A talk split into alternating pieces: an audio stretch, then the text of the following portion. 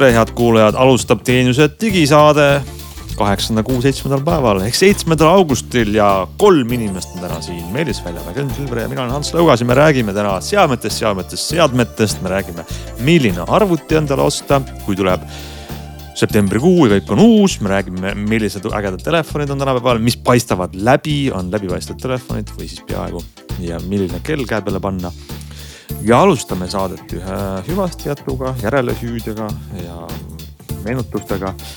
igatahes tuleb palju põnevaid äh, uudiseid ja põnevaid soovitusi, nii et selline on tänane Geeniuse digisaade. Nonii, hakkame saatega peale uudiste rubriigiga. ja mis uudis see nüüd ikkagi suur on, kui väike musta raamiga leinateade, nägemist Twitter Twitterit enam ei ole, Twitter on kadunud, Twitter on uue nime saanud, uue ikooni saanud.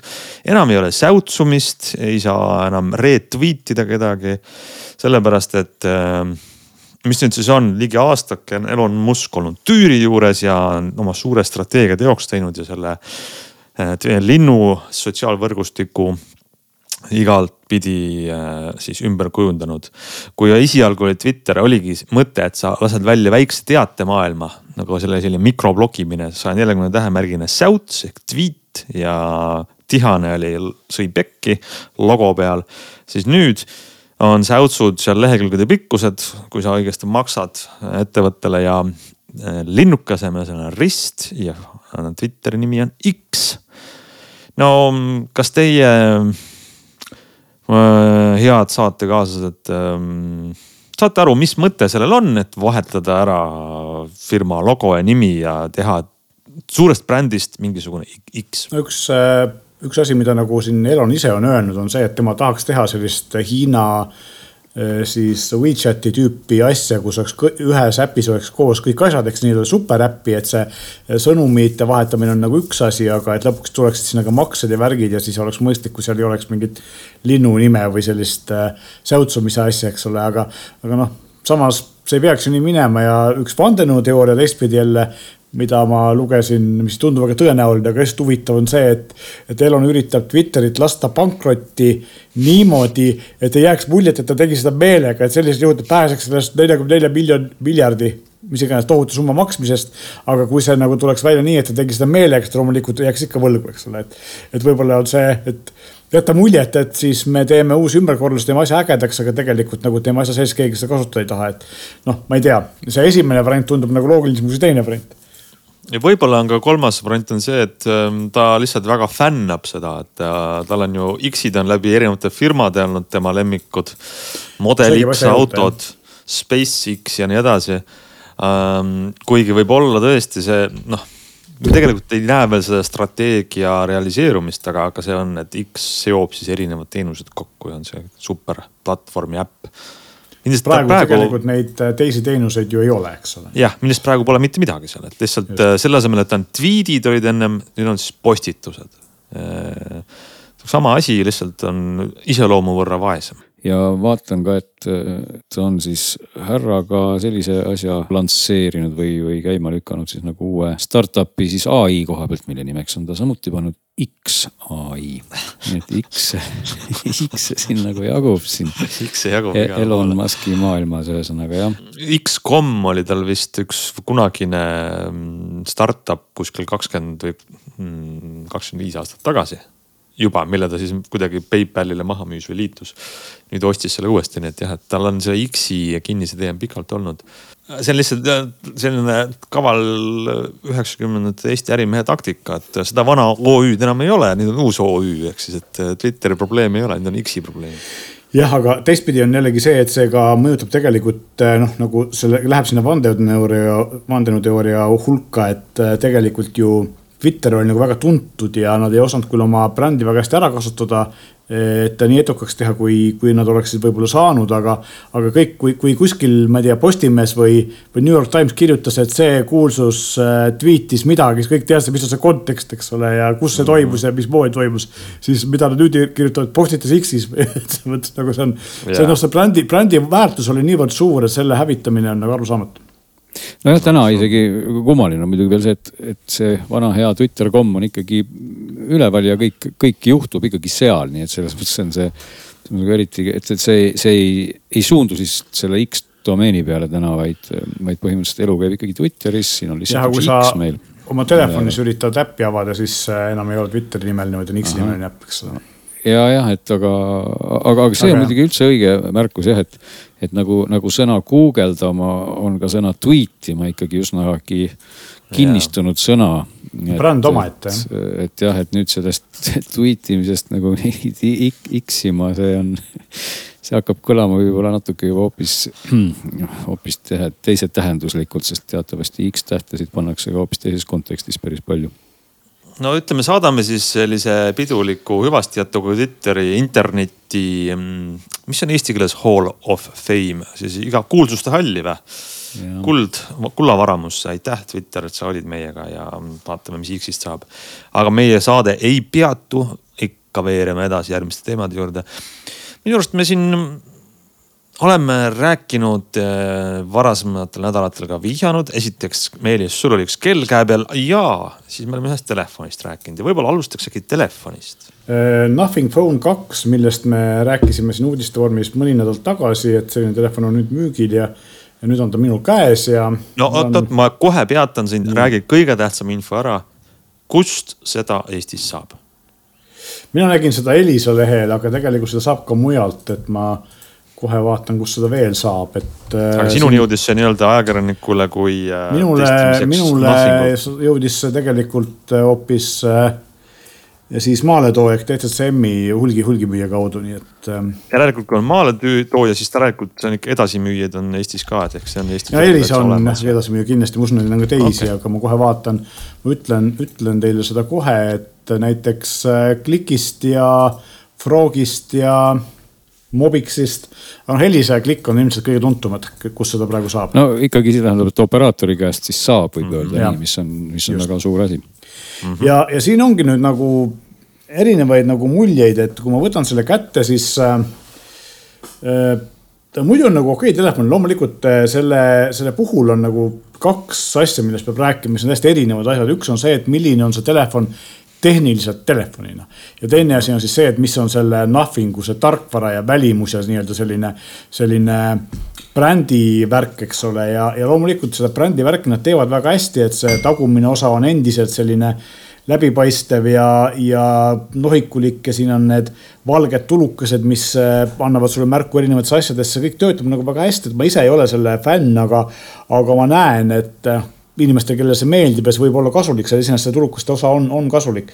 Ehm, minul on tumedam versioon, et e-, esimest Nothing Phone ühte tehti ainult heleda korpusega ja siis oli see selline noh, kuidas ma ütlen siis nagu CyberPunkilik taguosa oli nagu eriti tugevalt näha, siis sellel tumedal on seda nagu vähem välja paista inimestele, kellele võib-olla ei meeldi, meeldib see telefon, aga ei meeldi selline välimus, välimus, siis tegelikult see tume on täiesti okei okay,, et see ei pääst, paista nii tugevalt silma, kui need tulukesed ei põle. aga, ja, ja samas on see, et kui ma seda telefoni katsun, näiteks tagumist külge, mille, mis on siis selle tulukeste kohal, siis see ei ole klaas, vaid see on nagu selline plastik, keda nagu peale katsudes või peale vajutades noh, käitub nagu üsna plastikuna, ta jätab siukse, sihuke odava mulje millegipärast. see tagakülg või telefonil. jah, just nupud samas on nagu väga mõnusad. Äh, sarnased OnePlusid on siis äh, toitenupp on paremal pool ja, ja helitugevnupud on vasakul pool. Samsungil on mõlemal samal pool, eks ole. nupud on väga head, väga mugavad, nad tunduvad nagu hästi kvaliteetsed. aga mis puudutab nüüd seda soft'i osa veel, siis äh, jah, neil on siis selline mustvalge teema siia peale pannud, kõik ikoonid on, on mustvalged, välja arvatud kaks mis nagu naljakas, et, et kui sa teed nagu ikoonipaki, siis okei okay,, ma saan aru, et kõiki äppe ei saa teha, eks ole. aga praegu hetkel mul ei ole siin ühtegi lisaäppi installitud, ainult need, mis siin seadme kaasas on ja siis on kaks Google'i äppi, üks on Find Device ja teine on äh, Family Safety või mingi sihuke see on kaks Google'i poolt tehtud asja, mis on äh, teist värvi ja nad hakkavad kohe siin mustvalgel taustal väga tugevalt silma ja häirivad, et. et see on imelik, et kõik muud Google'i asjad on ära bränditud ja need kaks on jäetud tegemata, et eh, kummaline. ja loomulikult eh, need eh, widget'id ja ikoonid ja asjad, mis on mustvalged ja mulle isiklikult ei meeldi ka väga see selline dot matrix või punktidest koosnevad numbrid ja tähed, eks ole, et see jätab siukse kaheksakümnendate mulje. aga see on maitse asi ja ma tean väga palju inimesi kindlasti, kellele see meeldiks see läheb vist kokku nende, nende tulukastega, mis on ka taga või selle sama stiili. just, et ta jätab siukse jah, siukse, ma ütlen cyber, cyberpunk, eks ole, stiili. aga samas, mis on nagu väga äge, on see, et äh, lukuekraanil ja samuti ka alati sees ekraanil saab panna vidinaid, näiteks taskulambi või äh, lisaks on see, et lukuekraanil saab panna absoluutselt kõiki neid äh, süsteemi lüliteid nii-öelda, mis on siis selles allatõmmatavas, eks ole, selles kiir, kiirseadete menüüs. kõiki neid saad ka ekraani peale panna, mis on asi, mida teiste telefoniga teha ei saa ja mis on nagu väga, väga äge minu arust, et selline funktsionaalne asi. ja üldiselt noh, tegelikult kui me vaatame seda teemat ja seda visuaalset disaini, siis jah see on omapärane ja kas ta meeldib või ei meeldi, on maitse asi, aga, aga ta kindlasti näitab seda, et nad hoiavad kinni oma disainist ja nad teevad seda hästi, eks ole. loomulikult ka kaasas, karbis kaasas olevad siis SIM-kaardi eemaldamise jublakas ja kaabli otsad on nothing'u moodi, siukest läbipaistva plastikut on peale pannud nagu meenutab neid kõrvaklappide karpi või seda, eks ole, selline noh, väga stiilne väga,, väga-väga omapärane, eks ole, teistsugune. et selle, seal on ikkagi veidi vaeva nähtud et see on nagu äge ja, ja omapärane ja kõik muu on puhas Google, ehk siis ta meenutab väga noh, võib-olla Motorolat või, või kindlasti Pixlit, sest et eh, noh, puhas Google'i telefon, et siin ei ole nagu mitte midagi eh, ümber tehtud väga-väga eh, puhas Android ja väga selles mõttes nagu hästi tehtud. ja aga mis on nüüd teised asjad, siis noh, näiteks on see, et kui ma võtan selle kätte, siis selle hinna juures on väga suur raam ehk siis ekraani ja, ja raami vahel on väga palju seda musta ala ja noh, ma, ma, kui ma just e-, enne, eelmine nädal rääkisin siin OnePlus äh, Nord kolmest, mis on kakssada, kolmsada eurot odavam telefon ja sellel on kuidagi nagu see telefon ise tundub palju kvaliteetsem nagu füüsilised materjalid ja selle poolest, mis on nagu kummaline, et, et ma ei saa aru, miks see nii on. aga midagi on nagu kokku hoitud, miks on kokku hoitud, raske öelda aga teistpidi jälle, kus ei ole väga palju kokku hoitud, on kaamerad, sest et kaameratega on niimoodi, et lõpuks ometi on nagu üks firma, kes on jõudnud järeldusele, et, et me ei pane seda mõttetut eh, kahe megapikslist makrosensorit siia, vaid paneme siia nagu korraliku viiekümne megapikslise, vist viiskümmend mõlemad, eks ole. viiekümne megapikslise eh, ülilainurkaamera, kahjuks ei ole zoom'iga kaamerat, aga on siis äh, sama sensoriga, mis on OnePlus üheteistkümnel ja ka see on OnePlus Nord kolmel Sony eh, XM kaheksasada üheksakümmend, IMX, mis iganes Sony tähed seal ees on. kaheksasada üheksakümmend sensoriga, mis peaks olema hea kaamerasensor. ma ei ole sellega eriti palju jõudnud pilti teha, nii et ma ei oska täpselt kaamerast rääkida, aga ta peaks olema sihuke normaalne keskpärane kaamera.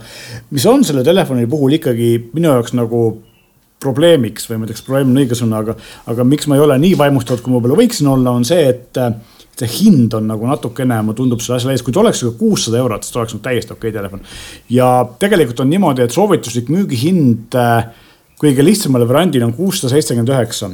Eestis millegipärast pakutakse ainult kanget varianti ehk siis kaheteist giga RAM-i ja kakssada viiskümmend kuus giga sisemäluga, mis on seitsesada kakskümmend üheksa ja siin ma julgeks öelda, et ta läheb nagu ohtlikult ligidale OnePlus üheteistkümnele, mis ma ütleks, on vähemalt tehniliselt kaamerate poolest, korpuse poolest, kõige selle asja poolest, ka protsessor on parem ehm,. parem telefon, kohe nagu ega märgatavalt parem telefon.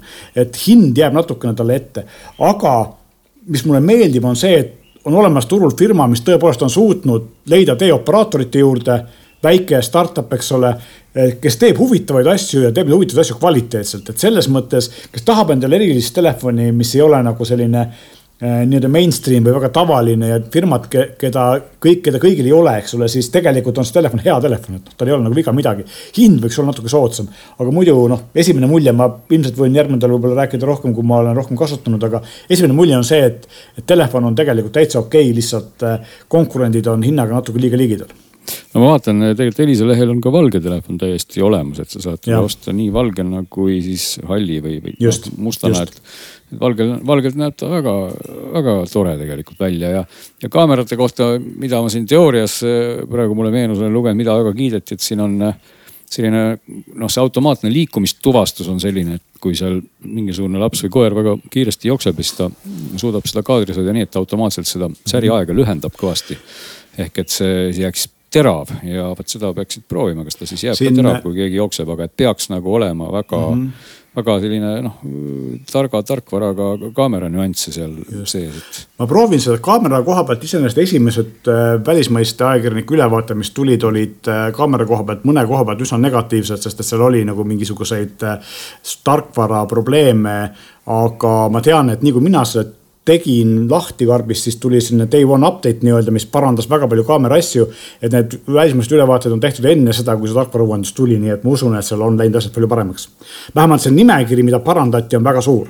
nojah, ütleme see telefon ikkagi ju ei olegi toimunud ju mingisugust ülisuurt äh, muutust võrreldes ühega, kõik asjad on läinud natukene paremaks, aku on tal suurem, natuke on ta kiirem, eks ole, ja, ja., ja nii edasi, et, et välimuse mõttes on tal ikkagi see metallist serv mis on siis mõni, mõningates tingimustes võib-olla väga kindel käes hoida, aga, aga teistes tingimustes ilmselt erakordselt libe on ju ja, ja, ja noh, muus osas on ta tegelikult peaaegu identne. ma muidugi pildi pealt vaatan, et raske on sinuga nüüd vaielda otseselt, aga mulle see raam ei tundu nii teab mis kitsas, et ega, kas, ega iPhone'il see nüüd ausalt öeldes iPhone'il on ikka märgatavalt kitsam ja on, ta meenutab on, mulle, ma ütleks, et. ta meenutaks mulle Galaxy A54. Ehk siis ta on kõvasti suurem, on see raam kui näiteks sellel samal odavamal OnePlus Nord kolmel või siin viimastel testitelefonidel, mida ma olen siin äh, proovinud, oli kõigil nad ka Xiaomi telefonid olid väiksemad. aga noh, see on nagu selline pisiasi, eks ole, see tegelikult ei määra nagu väga palju ja. no, no muidugi ta on ikkagi ka, kui no, iPhone siin jutust juba käib läbi korduvalt ta on ikka üks-ühele iPhone tegelikult, kui nüüd sa seda kaamerate disaini nagu ignoreerid ja see telefon kusagil laua peal vedeleb, siis noh, iga, iga teine ütleb või isegi igaüks ütleb, et, et see on põhimõtteliselt iPhone, et see disain on niisama iPhone neljateistkümnega. seda küll.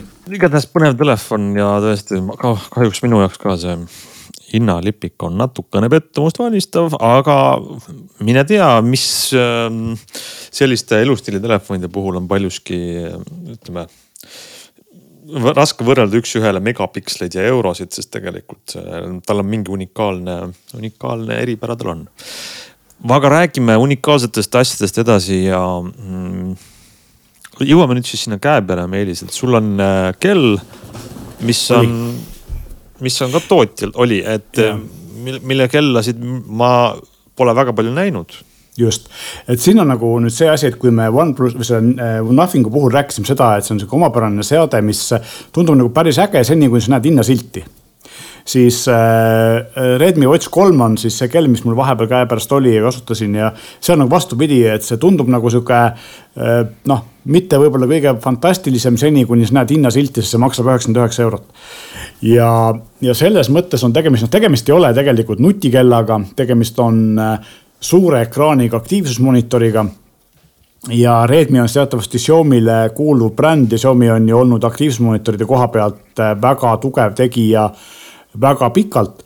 mis teeb selle kella eriliseks, on see, et tal on selle üheksakümne üheksa euro eest päris GPS sees nii et kui sa tahad jooksma minna ja oma rattaga sõita ja oma asju salvestada, siis seda ta teeb ja teeb seda üsna hästi.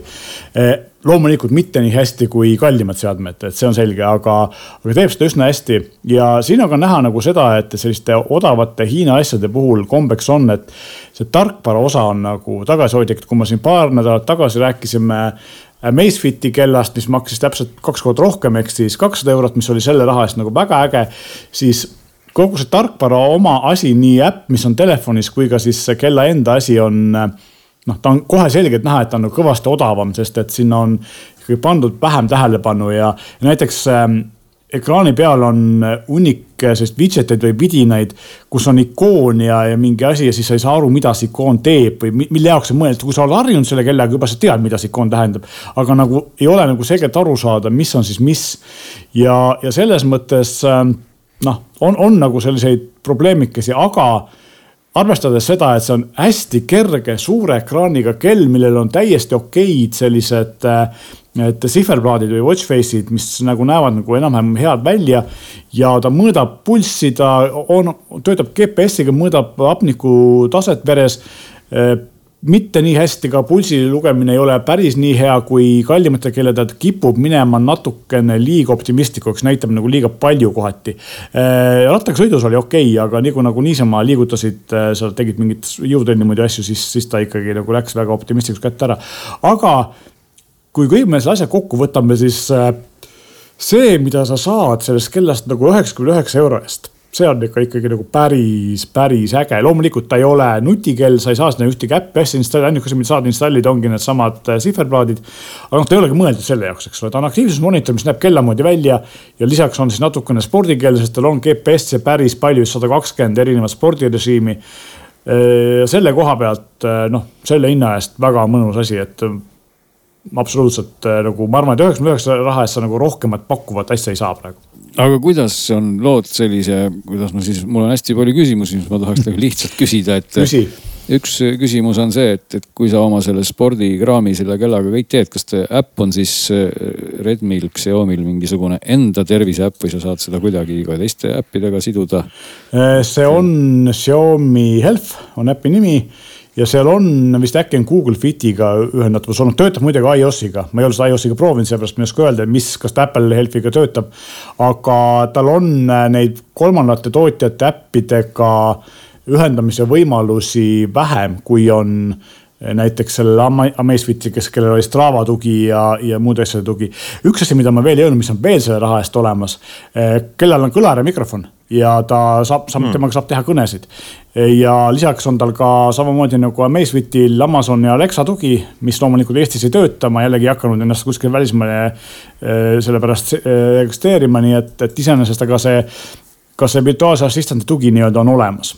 et noh, ikkagi jällegi mida sa, mida kõike saad üheksakümne üheksa euro eest. aga palju sa siis aku vastupidavust saad üheksakümne üheksa euro eest? jaa, ta on selline vahepealne, ehk siis äh, noh, ma ütleks, et tegelikult hea. tootja ütleb, et kestab kuni kaksteist päeva ja ta tegelikult kestab ka umbes niimoodi noh, kümme kuni kaks nädalat, kümme päeva kuni kaks nädalat sinna vahesse, sõltub jälle sellest kas sa kasutad seda alati sees ekraani või mitte, eks ole. ja välja lülitatud ekraaniga, noh, mina sain ikkagi noh, pea, pea kaks nädalat täis sellega. Ja samuti siis, kui sa teed nagu, paned ekraani sisse kogu aeg ja teed seal paar trenni nädalas tund aega, eks ole, siis ta kestab nädala noh, mis on ikkagi väga hea tulemus, eks ole. kui sa teda nüüd peaksid võrdlema, siis äh, ütleme sellise päris nutikellaga, noh nagu siin on teadupärast siis Samsungil ja Huawei'l ja mis näevad ikkagi välja sellised kvaliteetsed ja siis on need aktiivsusmonitorid, et. et kas ta siis nagu pretendeerib ka olemaks ikkagi selline nagu normaalne kvaliteetne käekell või pigem on ta sihukene plastmassjunn, mis nagu on spordi tegemiseks ainult käe peal? no kui sa nii reljeefselt välja endad, siis ta on nagu pigem sihuke plastmassjunn ehk siis, eks tegelikult noh, materjalid, ta on ikkagi nagu, nagu äh, kuidas ma ütlen, ta on täiesti, äh, täiesti äh, noh, ei karda seda, et on plastikust asi, eks ole. samas see plastikust asi on see, et ta on, kuigi ta on suur kell, siis ta on hästi kerge. mis tähendab seda, et kui sa paned ta öösel käe peale ja mõõdad oma und, siis ta tegelikult ei häiri sind, eks ole. kuidas see näiteks..., segan kohe vahele korraks, selle une tahtsin ka küsida, kuidas see uneosakond tal toimib, täitsa kobedalt või? ta töötab nii nagu enamusel kelladel, mitte nii hästi kui Amazefitil, mitte nii hästi kui, kui Fitbitil, aga noh, ma ei tea, umbes nii hästi kui, kui mitte nii hästi kui Huawei'l, eks ole. aga Samsungiga võib-olla võiks võrrelda, et ta jällegi ei suuda tuvastada uinakuid, eks -hmm. ole, et see on nagu üks asi. aga töötab nagu enam-vähem jah, ma ei mõõtnud temaga und nii nagu pikalt või nii, nii mitme nädala jooksul, et ma saaks nagu teha mingit statistikat, kuidas teistega võrreldes on. aga arvestades seda hinnaklassi, siis eh, noh, ta mõõdab nagu und, sa saad ikka mingid trendid sealt kätte, mida sul tegelikult tarvis on, eks ole. et see on nagu tähtis, seda ta teeb. kaloreid muidugi loeb, noh kõiki asju, mida üks normaalne aktiivsusmonitor teeb, seda ta loeb lihtsalt ähm, noh, paljudes kohtades nimetatakse seda nutikellaks ja siis noh, mina seda nutikellaks ei nimeta, mina nimetan ikka aktiivsusmonitoriks, et see, see võib olla eksitav, eks ole, sest ta aga, ei ole nutikell. aga ikkagi Oled ekraan on tal sees. Oled ekraan, ekraani puhul on ühe koma seitsmekümne viie tolline ja üks asi, mis on muidugi veel, on see, et tal on oma rihmad, ehk siis erinevalt siin Macefitist või enamus teistest kallimatest kelladest, tal ei saa panna standardseid rihmasid, eks ole, mis noh, vahetades sa pead ostma sellesama tootja enda rihmad, mida väga palju erinevaid ei ole, valget vist on ja kreemiat. aga iseenesest jah, et, et on Oled ekraan kuuesaja nitine eredas, väga eredas päiksevalguses on veits kehv ja mida ei ole ei ole automaatset teelduse reguleerimist, nii et kui sa lähed õue ja vaata, ekraan on pime, sa pead käsitsi seda panema, no kuule, kaheksakümmend üheksa eurot, eks, et sa ei saa kõike tahta. ja ei no siis võibki kokku võtta ikkagi nii, et äh, on kellade osas on sihuke kummaline maailm nagu, et on olemas need nelisada pluss eurot kellad ja, ja siis tuleb välja, et ongi olemas mingisugused sada eurot miinuskellad, et, et selle raha eest saad palju, aga teistpidi, kui sa ikkagi tahad sellist kvaliteeti läbi ja lõhki, siis seda ei saa, eks ole. jah, no kui sa tahad ikkagi nagu kõige kõigemat kella, siis sa ostad omale tuhat eurot maksva Karmini või Apple Watch Ultra, eks ole. ja, ja, ja kui sa tahad endale sellist lihtsat nutikella, mis ka muid asju teeks, siis sa ostadki endale tavalise Apple Watchi või, või Samsungi kella või noh, ma ei tea, siin mõningaid variante on, eks ole, veel siin kasvõi mingi keskmise Karmini või mõne muu asja. ja, ja kui sa tahad soodsat kella, siis noh, seal ilmselt sa nagu hiinlastest ei pääse või eelmise aasta, üle-eelmise aasta Samsungi eh, kõige lihtsamast mudelist, mis maksab ka kohati alla kahesaja euro, mis tegelikult on täitsa okei okay, peale selle, et aku ei kesta, eks ole. jah, veel kiirelt siia lõppu ikkagi öeldes, et eh, oleneb ju, mida sa kellaga teed, et kui sinu jaoks Just. on oluline vastata kõnedele näiteks ja siis eh, saja kahekümnes erinevas kategoorias sportida ja seda, selle raha eest siis tegelikult on ju tegemist väga ägeda kellaga isegi, et mitte kasutada siis reljeefseid väljendeid, sa saad ikka päris asjaliku asja selle eest, kui sa ju ei tahagi võib-olla tarbida kõike seda Just, muud ja aku no, jaoks, vastu, eks ole, see on ka ikkagi minu, argument et.... jah, minu jaoks on samamoodi, et, et ma tegelikult ju eh, kasutan kella, mina näiteks ei tee kellade peal praktiliselt ühe kellaga ei ole teinud kõnesid, sest ma ilmselt olen niivõrd palju karmini kui harjumini saanud no, kõnesid teha no,. mina tahan teha kahte asja, et ma põhiliselt tahan vaadata sealt äh, teavitusi ta näeb näiteks mulle kella, mõnikord ma tahan teha sellega sporti Eh, ja ma tahan, see aku kestaks nagu mõistlikult, et minul on see, et kui ma peaksin valima selle vahel, kas ma saan teha kõnesid ja aku kestab vähe või ma ei saa teha kõnesid ja aku kestab palju, siis ma valiks teise variandi. aga see kellamaailm on selline, et inimestel on eh, niivõrd palju erinevaid nägemusi ja soove sellest ja sellepärast on hea, et kui meil on suur valik ja me saame ikkagi igaüks saab leida selle, mis talle meeldib, eks ole. ma arvan, et see on päris hea leid nendele, kes otsivad teha siis äh, soodsat algust oma sammu ja trenni jälgimisega. meil on nüüd õige aeg võtta järgmine teema ette. tegelikult äh, ega meil ju siin saates palju aega enam ei ole jäänud, aga suur plokk on tegelikult katmata ja Glen, sina üks vahe võtsid endale palju arvuteid lahti ja tahtsid arvutama hakata nendega kõigiga. jah, tundub üsna selline igav protsess, et sülearvutid teadupärast ei ole just selline, kuidas ma ütlen, et muutused sülearvutite osas viimaste aastate, mitte aastakümnete juures ju väliselt eriti suured ei ole ju. aga, aga viimati kaks aastat tagasi oli see, kui me vaatasime ka kooli alguse puhul siis selliseid, mitte siis neid kõige kallimaid arvuteid, vaid vaid hinnaklass jäi ka, kui ma ei mäleta, tol korral kaheksasaja, üheksasaja kanti, noh siis uh -huh. nüüd mhm. tegime umbes samamoodi, et tõmbasime piiri üheksasaja euro juurde, mis siis kuritahtlikult jättis jälle välja siis Maci ehk et ER ei mahtunud ikkagi sinna sisse, aga esimene ERM1, mille hind täna on siis kukkunud üheksasaja üheksakümne üheksa peale. et oleks võinud ju tuhat jätta, siis ma oleks saanud kohe selle sinna sisse ka kõrvale pista, aga noh, kõik on ikkagi Windowsiga arvutid seal. ja, ja noh, nii palju on see pilt ka igav, et ega neid tootjaid ausalt öeldes on, neid on kuidagi hõredalt, et noh, seda noh, eks me tegime oma elu muidugi ka lihtsamaks ja jällegi koputasime Euronixi ukse peale, kust me kõik need arvutid nagu ühe suure kohvriga võtsime, et, et, et mitte hakata mööda linna ja, ja kohti ringi käima ja tegelikult neid brände siis kes neid arvuteid tootsid kokku oli, siis ma võin kohe lugeda siit üks, kaks, kolm, neli jah, et ehk siis üheksat arvutit tood, toodab täna siis neli firmat. nii et uh -huh esmapilgul tunduski, et, et kui igav üldse saab üks asi olla, kui seal on siis neli Acerit ja, ja kolm Lenovot. ja siis üks Asus ja üks HP, nii et põhimõtteliselt nagu kahe brändi võrdlus, kus siis on veel kaks, kaks üksikut lisaks pistetud. mis on äh, sinu ikkagi tulemused sellele, selles mõttes, et jah, see on väga selline stoiline ja äh, rahulik tootekategooria, aga Äh, lõppude lõpuks on see selline praktiline tööriist või asi, mida tegelikult inimesed vajavad osta endale iga paari aasta tagant või iga nelja-viie aasta tagant, kui on ilma selleta nagu no sa ei saa ju hakkama. ehk siis sülearvuti valik on praktiline küsimus, millega väga paljud puutuvad kokku. no jah, neid, neid asju või kuidas ma ütlen siis neid mingi kategooriaid või kuidas iganes me neid omadusi siis nimetame nagu, nagu kelladel või mis, mis iganes muul tootekategoorial on ju arvutite puhul ka niivõrd palju, et mida nagu pidada oluliseks, mis on kellegi jaoks oluline. et alates siis võib-olla protsessorist, mälumahust, disainist, eks ole, ekraanist, ekraani tehnoloogiast, võib-olla klaviatuur, selle kvaliteet.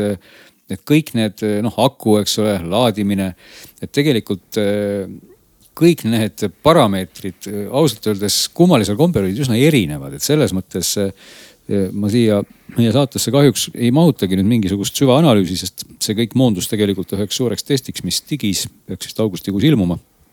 sest et eh, iga arvuti kohta sai nagu leida midagi head, aga ka midagi halba. ehk et, eh, et oli arvuteid, millel justkui kõik oli hästi, aga tuli välja, et näiteks mälu on vähe, noh ütleme siis eh, kui kui kohe nagu põnevad asjad ära rääkida, siis tegelikult mm -hmm. üks ägedamaid arvuteid seal testis oligi, oligi siis mitte mitte Acer ega Lenovo, vaid Asus, kes mahutas siis hinnaklassi, oli see vist seitsesada viiskümmend eurot, kui ma ei eksi, siis Oled ekraani. ja, ja noh, see Oled ekraan tõepoolest noh, see nägi väga hea välja, see oli väga ere, eredus oli viiesaja niti väga must ja, ja väga värviline, kui vaja ja samal ajal ka siis väga valge, kui vaja. et see, see oligi lihtsalt erakordselt ilus oli seda vaadata, et kui teistel seal parematel masinatel oli siis IPS paneel, mis ei ole ju ka kuidagipidi halb siis see Oled ikkagi oli väga hea, aga seesama noh, väga hea ilusa ekraaniga arvuti. seal sees siis põhjusel või teisel oli kaheksa gigabaiti töömälu, mis noh, on selline noh, võiks ju olla juba kuusteist, kui sa ikkagi vaatad võib-olla sellise hinnaklassi arvutit, et kohe üks selline koht, kus siis noh, nii-öelda tõmmata väikene miinus, eks ole või siis, või siis teine selline asi, mis võib-olla kohalikku kasutajat võiks ju ka segada, on siis klaviatuur, näiteks sellel samal Asusel klaviatuuri paigutus on inglise oma, kus siis need ei lähe need kokku tähed siis meil eesti keele ööde, ääde ja, ja muude asjadega ja, ja küsimärkidega, eks ole, et sa sa noh, ilmselt jääb see sul pähe, kui sa oled eesti keele klaviatuuri kasutaja, aga, aga jällegi mõnes mõttes nagu võib-olla tüütu, eks ole. et vot selliseid näiteid tegelikult sai peaaegu kõikide arvutite kohta tuua, aga, aga noh, sellegipoolest see, see Asus jah, kui juba temast juttu siin oli oli kvaliteedilt ja kõigelt eh, üks selliseid lemmikuid sellest testist, noh sest see ekraan ja vorm ja, ja kõik ta oli selline mõnus õhukene ja, ja tore.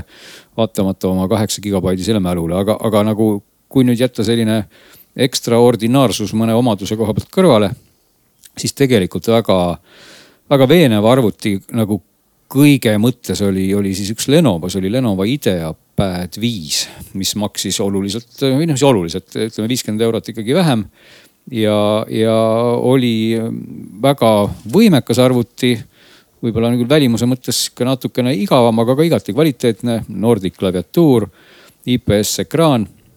protsessori mõttes ka oli nüüd niimoodi, et kui ma, kui ma sellest üldse ei rääkinud, siis noh, tänapäeval protsessoreid ju teadupärast toodab meil Intel ja, ja teine on siis AMD ja, ja võib nagu üldistades öelda küll, et need AMD Ryzen seeria protsessorid nagu kippusid olema kiiremad kui siis Intelid. et, et sellel samal Lenovol oligi siis AMD protsessor, kui siis sellel samal Asusel, millel oli väga ilus ekraan kui ma ei eksi, nüüd oli sellel Inteli protsessor. kas sulle ei tundu, et äh, kui äh, ütleme noh, ei saa ju ette kirjutada, mida inimene teeb arvutiga, aga me selle hinnaklassi arvutiga mm -hmm. võib-olla ma väga ei kujuta ette, et väga sellised arvutusmahukad ülesanded ette võetakse, et pigem sa surfad, sul on kaheksateist tab'i lahti Chrome'is, siis sa vaatad Netflixi, kus see Oled ekraan oleks väga hea, mis seal teisel mudelil oli. aga, aga kas jah, nagu kui ma teeksin nüüd valiku, et kas ma võtan no, otsin tingimata parima jõudlusega Ryzenit või, või seda, kus oleks kuusteist gigabaiti mälu, siis see mälu on nagu justkui tähtsam. No vot, see oleneb täitsa see oleneb tõesti nii palju, mida sa parajasti, mida sa oluliseks pead, et, et noh, seesama protsessor, seesama Ryzen viis, kui see number siin ka välja öelda, see on Ryzen viis, eh, viis, kuus, kaks, viis U, seesama protsessor oli muide üks, kaks, kolm, kokku siis neljas arvutis, see oli ka HP-l, see oli Acer Aspire viiel ja see oli ka Acer Swift kolmel et tegelikult seesama protsessor siis põhimõtteliselt andis, andis väga hea võimekuse kõikidele neile arvutitele, olgugi et nad ei, nad ei olnud ikkagi päris identsed, et olgu, et protsessor oli täiesti identne. jõudlus ei olnud identne, aga, aga see jõudlus, kui sa ütlesid siin, et noh, et, võib-olla selle hinnaklassi arvutitega ei peakski mingisugust jõudsat tööd tegema. siis ausalt öeldes üllatavalt, noh, ma mõõtsin samade, samade asjadega, samade äppidega, samade nagu testidega arvutite kiirust ja, ja siin renderdamistest oli see, oli see Kinebench kakskümmend kolm, mis mõõdab seda noh, siis nii-öelda multithread ühe, ühe tuuma võimekust ja siis mõõdab ka mitme tuuma võimekust. ja ma olin väga üllatunud, et kui aastat paar tagasi ikkagi jäid need, need mõõtmised seal selgelt siis noh, ütleme punkti skoorilt siis mitme tuuma osas sinna nelja, kolme tuhande juurde, viie tuhande juurde ja siis M1 Air, Mac uh -huh. oli siis seal, kui ma ei eksi, vot Maci mul siin testis ei ole kohe kõrvale võtta, oli vist kuskil seitsme kandis, seitsme tuhande või sealkandis. siis nüüd ikkagi need kangemad masinad, kõik selle Cinebench R kakskümmend kolm punkt kaks on siis see tänane versioon sellest testist. skoorisid seesama Acer Aspere viis näiteks skooris kaheksa tuhat kaheksasada kaheksakümmend viis, peaaegu üheksa tuhat ehk et ta tegelikult on, ongi kiirem arvuti, vähemalt selle renderdamistesti põhjal mm, -hmm. kui näiteks siis see M1 Air, mis ikkagi aastat paar tagasi oli ju nagu ülivõrdes üle. nii et, et siis oli justkui sihuke tunne, et see on täitsa kosmosest tulnud see Mac versus siis sellised natukene odavamad Windowsiga masinad. siis täna näed, ei saagi enam nii öelda, et kui selle Airi eest täna küsitakse seal tuhat siis sa saad isegi siin mõnisada eurot odavamalt tegelikult äh, protsessori võimsuselt äh, vaata et isegi vähe kangemaid masinaid, eks ole. nii et see, see oli nagu üks, üks üllatus, et selle, selles mõttes välimuselt muutusi justkui pole toimunud. aga protsessorite osas ikkagi on, jõudluse osas on see hüpe toimunud, aga muidugi seda mälumahtu tasub vaadata, et noh, seal oligi enam-vähem sihuke fifty-sixty, et olid, olid kaheksasi, oli kuueteistkümneseid. loomulikult, ega kõik need arvutid on ju noh, nagu, nagu see Windowsi maailma, kuidas ma ütlen siis to, toredus ja viletsus ongi see, et need on ju saadaval mingis mustmiljonis konfiguratsioonis. et, et praegu lihtsalt oli see valik, mille Euronix sealt kokku pani. aga ma olen selles enam kui kindel, et, et sedasama arvutit võib olla ka loomulikult saadaval siis mis iganes mäluga, mis iganes salvestusmäluga ja, ja miks mitte ka lausa erinevate protsessoritega, sest noh, erinevates regioonides on ka seesama mudel saadaval siis nii Inteliga kui, kui AMD-ga nii et tegelikult noh, siin, siin ei saagi nagu mingit, ütleme sellist järeldust nüüd tõmmata, et näed, et see arvuti oli nüüd selles testis selline, seal oli nüüd kaheksa gigabaiti mälu ja see on nüüd jube paha arvuti, sellepärast. siis pigem oli see küsimus lihtsalt selles, et selle hinna sisse võib-olla mahtus see sellise konfiguratsiooniga arvuti ja kui ma noh, sellele samale Asusele, mida ma siin kiitsin palju ekraani pärast, oleks siis pistnud selle kaheksa veel juurde, mine sa tea, äkki see hind siis oleks hüpanud üle selle üheksasaja, seda ma nüüd ei ole uurinud. Aga igal juhul kõike nagu saab. et, et noh, pigem võib-olla, kui seda veel selline kokkuvõte sellest omaduste nagu reast tõmmata, on see, et vaadata, et võib-olla mõni omadus ei oleks nagu, nagu erakordselt halb, et üks asi, millele ikkagi tasub tähelepanu pöörata, on seesama ekraan et äh, Oledi sain kõvasti kiidetud, IPS on väga ilus ja hea ekraan, selline tavaline standard, eks ole, vedelkristall. aga siis on olemas ka vedelkristallpaneel, mille nimi on TN. ja vot see TN paneel on üks natuke selline kuritahtlik paneel, et selle nagu teoreetiliselt peaks seal olema ka nagu hea kontrast ja ja, ja ta peaks justkui hästi odav ja kõik olema, aga, aga noh, ütleme nagu otse välja ikkagi rahvakeeles nagu sita pildiga ekraan on see TN, et kui te näete, et arvutil on TN-ekraan, siis pigem tasub see arvuti ära unustada. ja, ja noh, seal oligi üks, üks arvuti, kui ma nüüd ei eksi, oli see siis mm, Aspire, Acer Aspire viis. et äh, ei, või oli Aspire, ma, ma ajan juba nimed segamini, et Lenovo oli see, mida ma siin väga vist kiitsin. Lenovo IdeaPad viis oli see, mida ma kiitsin just. ja Acer Aspire viis oli siis äh, ka kuuesaja viiekümne eurone arvuti mis nagu võimekuselt ja kõigelt tegelikult oli ausalt öeldes väga väga hea, selles mõttes ta oli, ta oli sellesama kiire protsessoriga ja, ja kõik oli seal väga hästi, aga tal oli küljes seesama äh, mitte nii hea TN paneel, olgugi et isegi tehnilistes andmetes leidsin ma siin kodulehtedelt, et nad rääkisid, et neil on IPS paneel. no aga seda seal kohe kindlasti ei olnud. nii et äh, noh, sellest TN paneelist saab aru, äh, kui peale vaadata väga kergesti niimoodi, et, et see pildi kontrast ja olemus, koloriit, kõik muutub hästi palju vaatenurgast sõltuvalt, et kui sa vaatad seda uh, -huh. siis noh natukene keerad seda ekraaninurka väiksemaks või suuremaks. Siis läheb see pilt kohe hästi kahvatuks või hästi tumedaks, ehk et isegi võib lausa nii öelda, et kehvema TN paneeli puhul ükskõik mis nurga all sul see ekraan vastu vaatab on sul mingi koha pealt see pilt natuke teise koloriidiga, sest noh, see vaatenurk on ekraani suhtes erinev. et üsna tüütu ja, ja noh, see, see värvigamma ka DN-paneeli puhul. no ei ole see midagi väga sellist ilusat, et, et lihtsalt see oli selline hästi kuidagi markantne näide, et, et on tegelikult täitsa kobedate spekkidega masin ja, ja juba noh, mul hakkas alguses tunduma, et selle peaks ikka nihutama kohe täitsa sinna võrdluse tippu peaaegu, sest noh, kõik spekid on ju nii head ja siis. ja siis äkki vaatad, et miks DN-paneel, et kuidas see võimalik on ja, ja nii ongi ja, ja samamoodi siis sellel Aspire viiel ei olnud ka, kui ma nüüd ei eksi jälle eh, valgustatud klaviatuuri, et, et jälle selline üks kokkuhoiukoht, eks ole, et, et noh, ei ole otseselt ju hullu, kui sul on need näpu, näpu sees need tähed niikuinii ja veel võib-olla klaviatuur on seal ka vale. Aga jällegi kokkuhoiukoht, et noh, Aspire ilmselt äh, peakski siis olema Aceril vist selline, selline soodus, sooduskategooria nii-öelda või, või, ütleme toote, toote posit-, positsioneerimine, et ma, ma ei.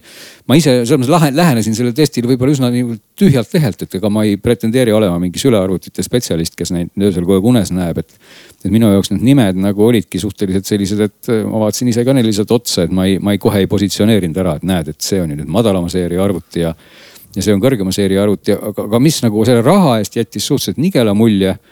Ja see oli ka mul eelmises testis, kui ma ei eksi, oli siis see Lenovo ThinkBook ja ThinkPad, no selles testis oli nüüd ThinkBook mis justkui peaks ju olema see kuidagi selle IBM-i niisugune järeltulija, aga aga ei, mina ei saa aru, miks see arvuti nii palju maksab, seal on küll porte palju ja, ja noh, nagu midagi nagu oleks, aga see kokkuvõttes tundus küll selline, et, et maksta selle eest ka, ma ei eksi, oli see seal ka kaheksasaja, üheksasaja euro kandis vist oligi kallim arvuti.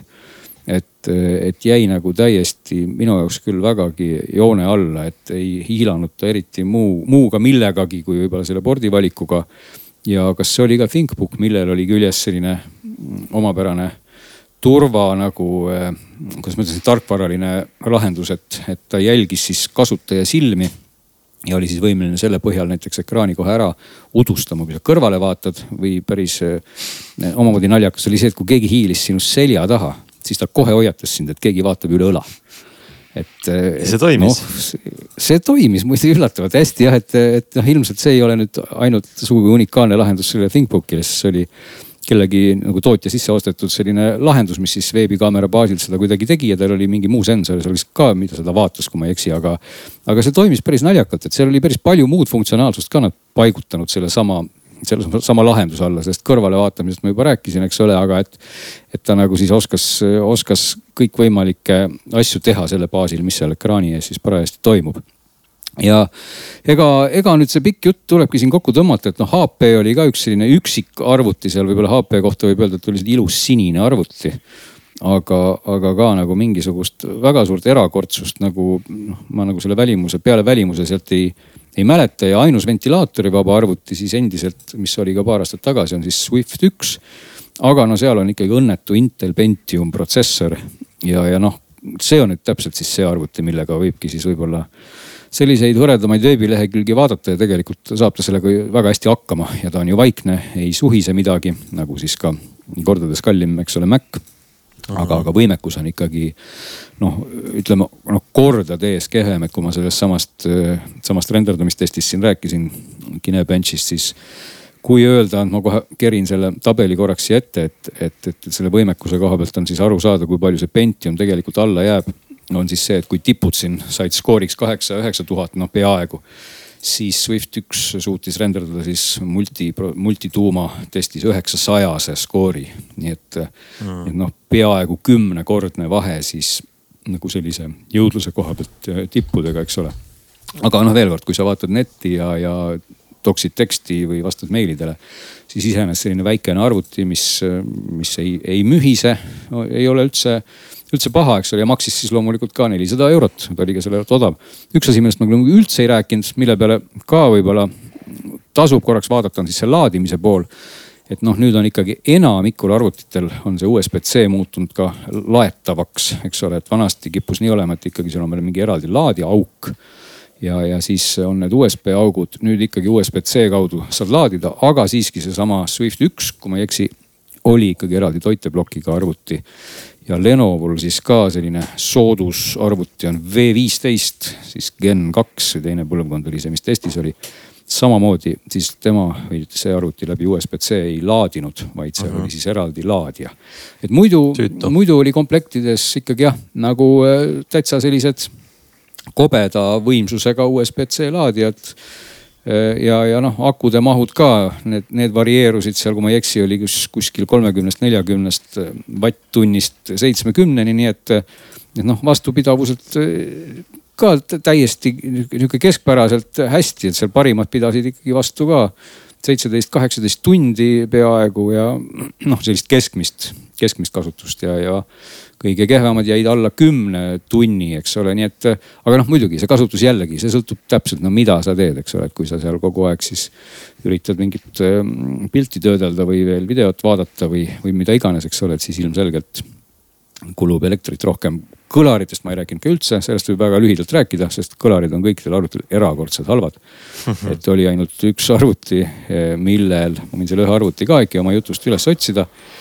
üks arvuti, millel kõlarid olid suunatud ette, et tegelikult eh, millegipärast tootjad on avastanud, et, et väga hea mõte on panna kõlarid ekraani nagu alla, selles mõttes, et nad on suunatud põhja alla ja, ja see tähendab seda, et kui sa paned arvuti siis omale juhtumisi sülle või kuskile, siis see heli on kõik noh, ta, nagu sumbub, kui sa paned lauale, siis ta peegeldab äh, paremini.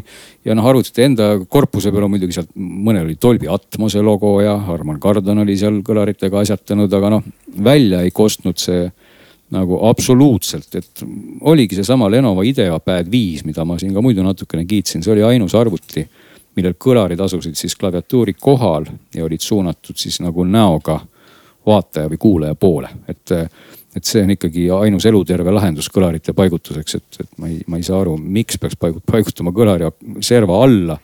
sest et noh, enam totramat kohta ei saa leida ja, ja muidugi noh, need logod, mis seal arvuti peal siis kõlarite osas on. et noh, need, neid logosid, noh, nendel ei ole nagu mingit seost heliga. et, et kui siin nüüd täpselt panna jälle see kõrvuti, seesama MacBook Air et, et noh, tuleb öelda küll, et see kõlarite osakond nendel Windowsiga või PC-del selle raha eest, see on ikka erakordselt olematu, et noh, teksti sa kuuled, võib-olla saad seal oma eh, veebivestlusega ära teha ja noh, jällegi ei, ei maini ma nüüd ühte, ühegi, ühegi sõnaga ka seda nii-öelda ettevaatavat kaamerat, seda saab juba siis artiklist lugeda, et ega seal ka nüüd mingisugust ülivõrdes pilti ei olnud, aga, aga videokonverentsi jaoks sai nagu asju teha, nii et, et noh, veel kord neid parameetreid on on lõputult ja, ja, ja võikski hästi pikalt rääkida ja ega siit midagi väga konstruktiivset lõpuks teada ei saagi, et pigem on see koht, et. et kui, kui on huvi, siis võtta kätte seesama test ja võib-olla sirvida see läbi, sest noh, ma seal ikka üritasin iga arvuti kohta nagu tuua neid plusse ja miinuseid natukenegi välja, et et siis saab võib-olla igaüks aru, aga, aga isegi kui see ka on läbi loetud, siis pigem minu soovitus on alati olnud, et minge ikkagi poodi ja, ja painutage seda arvutit natuke käes ja, ja võib-olla vaadake, kuidas see ekraan on ja, ja kuidas see klaviatuur on, et kas see valgustus on seal hea või paistab sealt serva alt teile silma või. et ikkagi tuleb, tuleb ikkagi katsuda ennem ostu, et ega muidu nagu aru ei saa no aga võib-olla lõpetuseks sa teed hoopis sellise veel viimase vastuse annad, et äh, kui sul nüüd ise pead nendest masinatest ühe valiku tegema, kas sul, kas su lemmikuks jääb see Oled ekraaniga, oli see Asus või? see oli Asus jah, ikka ta ikka jääb küll jah, sest noh, jõudlus jõudluseks oli võib-olla seal äh, kergelt äh, tagasihoidlikum, ma vaatan korraks veel selle ette kohe, et kui palju see, see renderdamistestis ta siin nagu kippus siis tippudest maha meil jääma. No ikka muidugi jäi jah, et ta sai, sai viis tuhat kuussada sai selle mm, nagu multicore testis, kui parimatel siis nagu ma ütlesin, kaheksa tuhande kandis või rohkem. Aga, aga noh, nii-öelda tavakasutuses see küll kuidagipidi ette ei jäänud.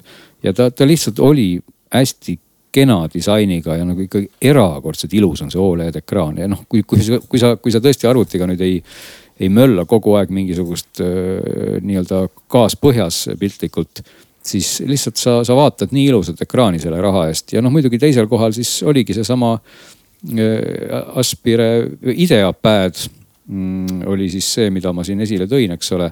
see, selle võiks panna teisele kohale ja muide, ma praegu vaatangi, et see kõige kiirem arvuti muide ongi olnud siis äh, Aspire viis, just seesama õnnetu TN paneeliga arvuti see on tegelikult olnud siis kõige parema jõudlusega arvuti, nii et, nii et seesama IdeaPad viis mida ma nagu tervikuna tooks kõige ühtlasemalt esile, kus siis, kus keskmiselt kõik oli võib-olla kõige parem.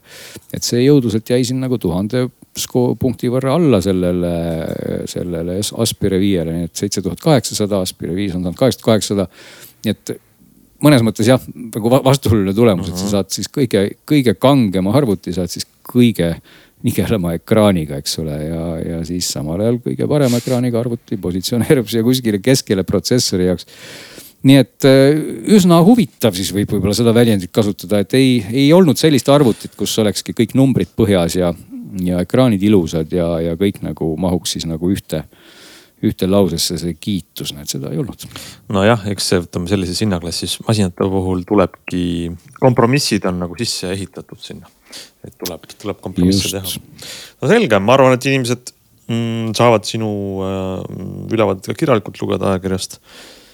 aga meie peaksime tänaseks otsad kokku tõmbama.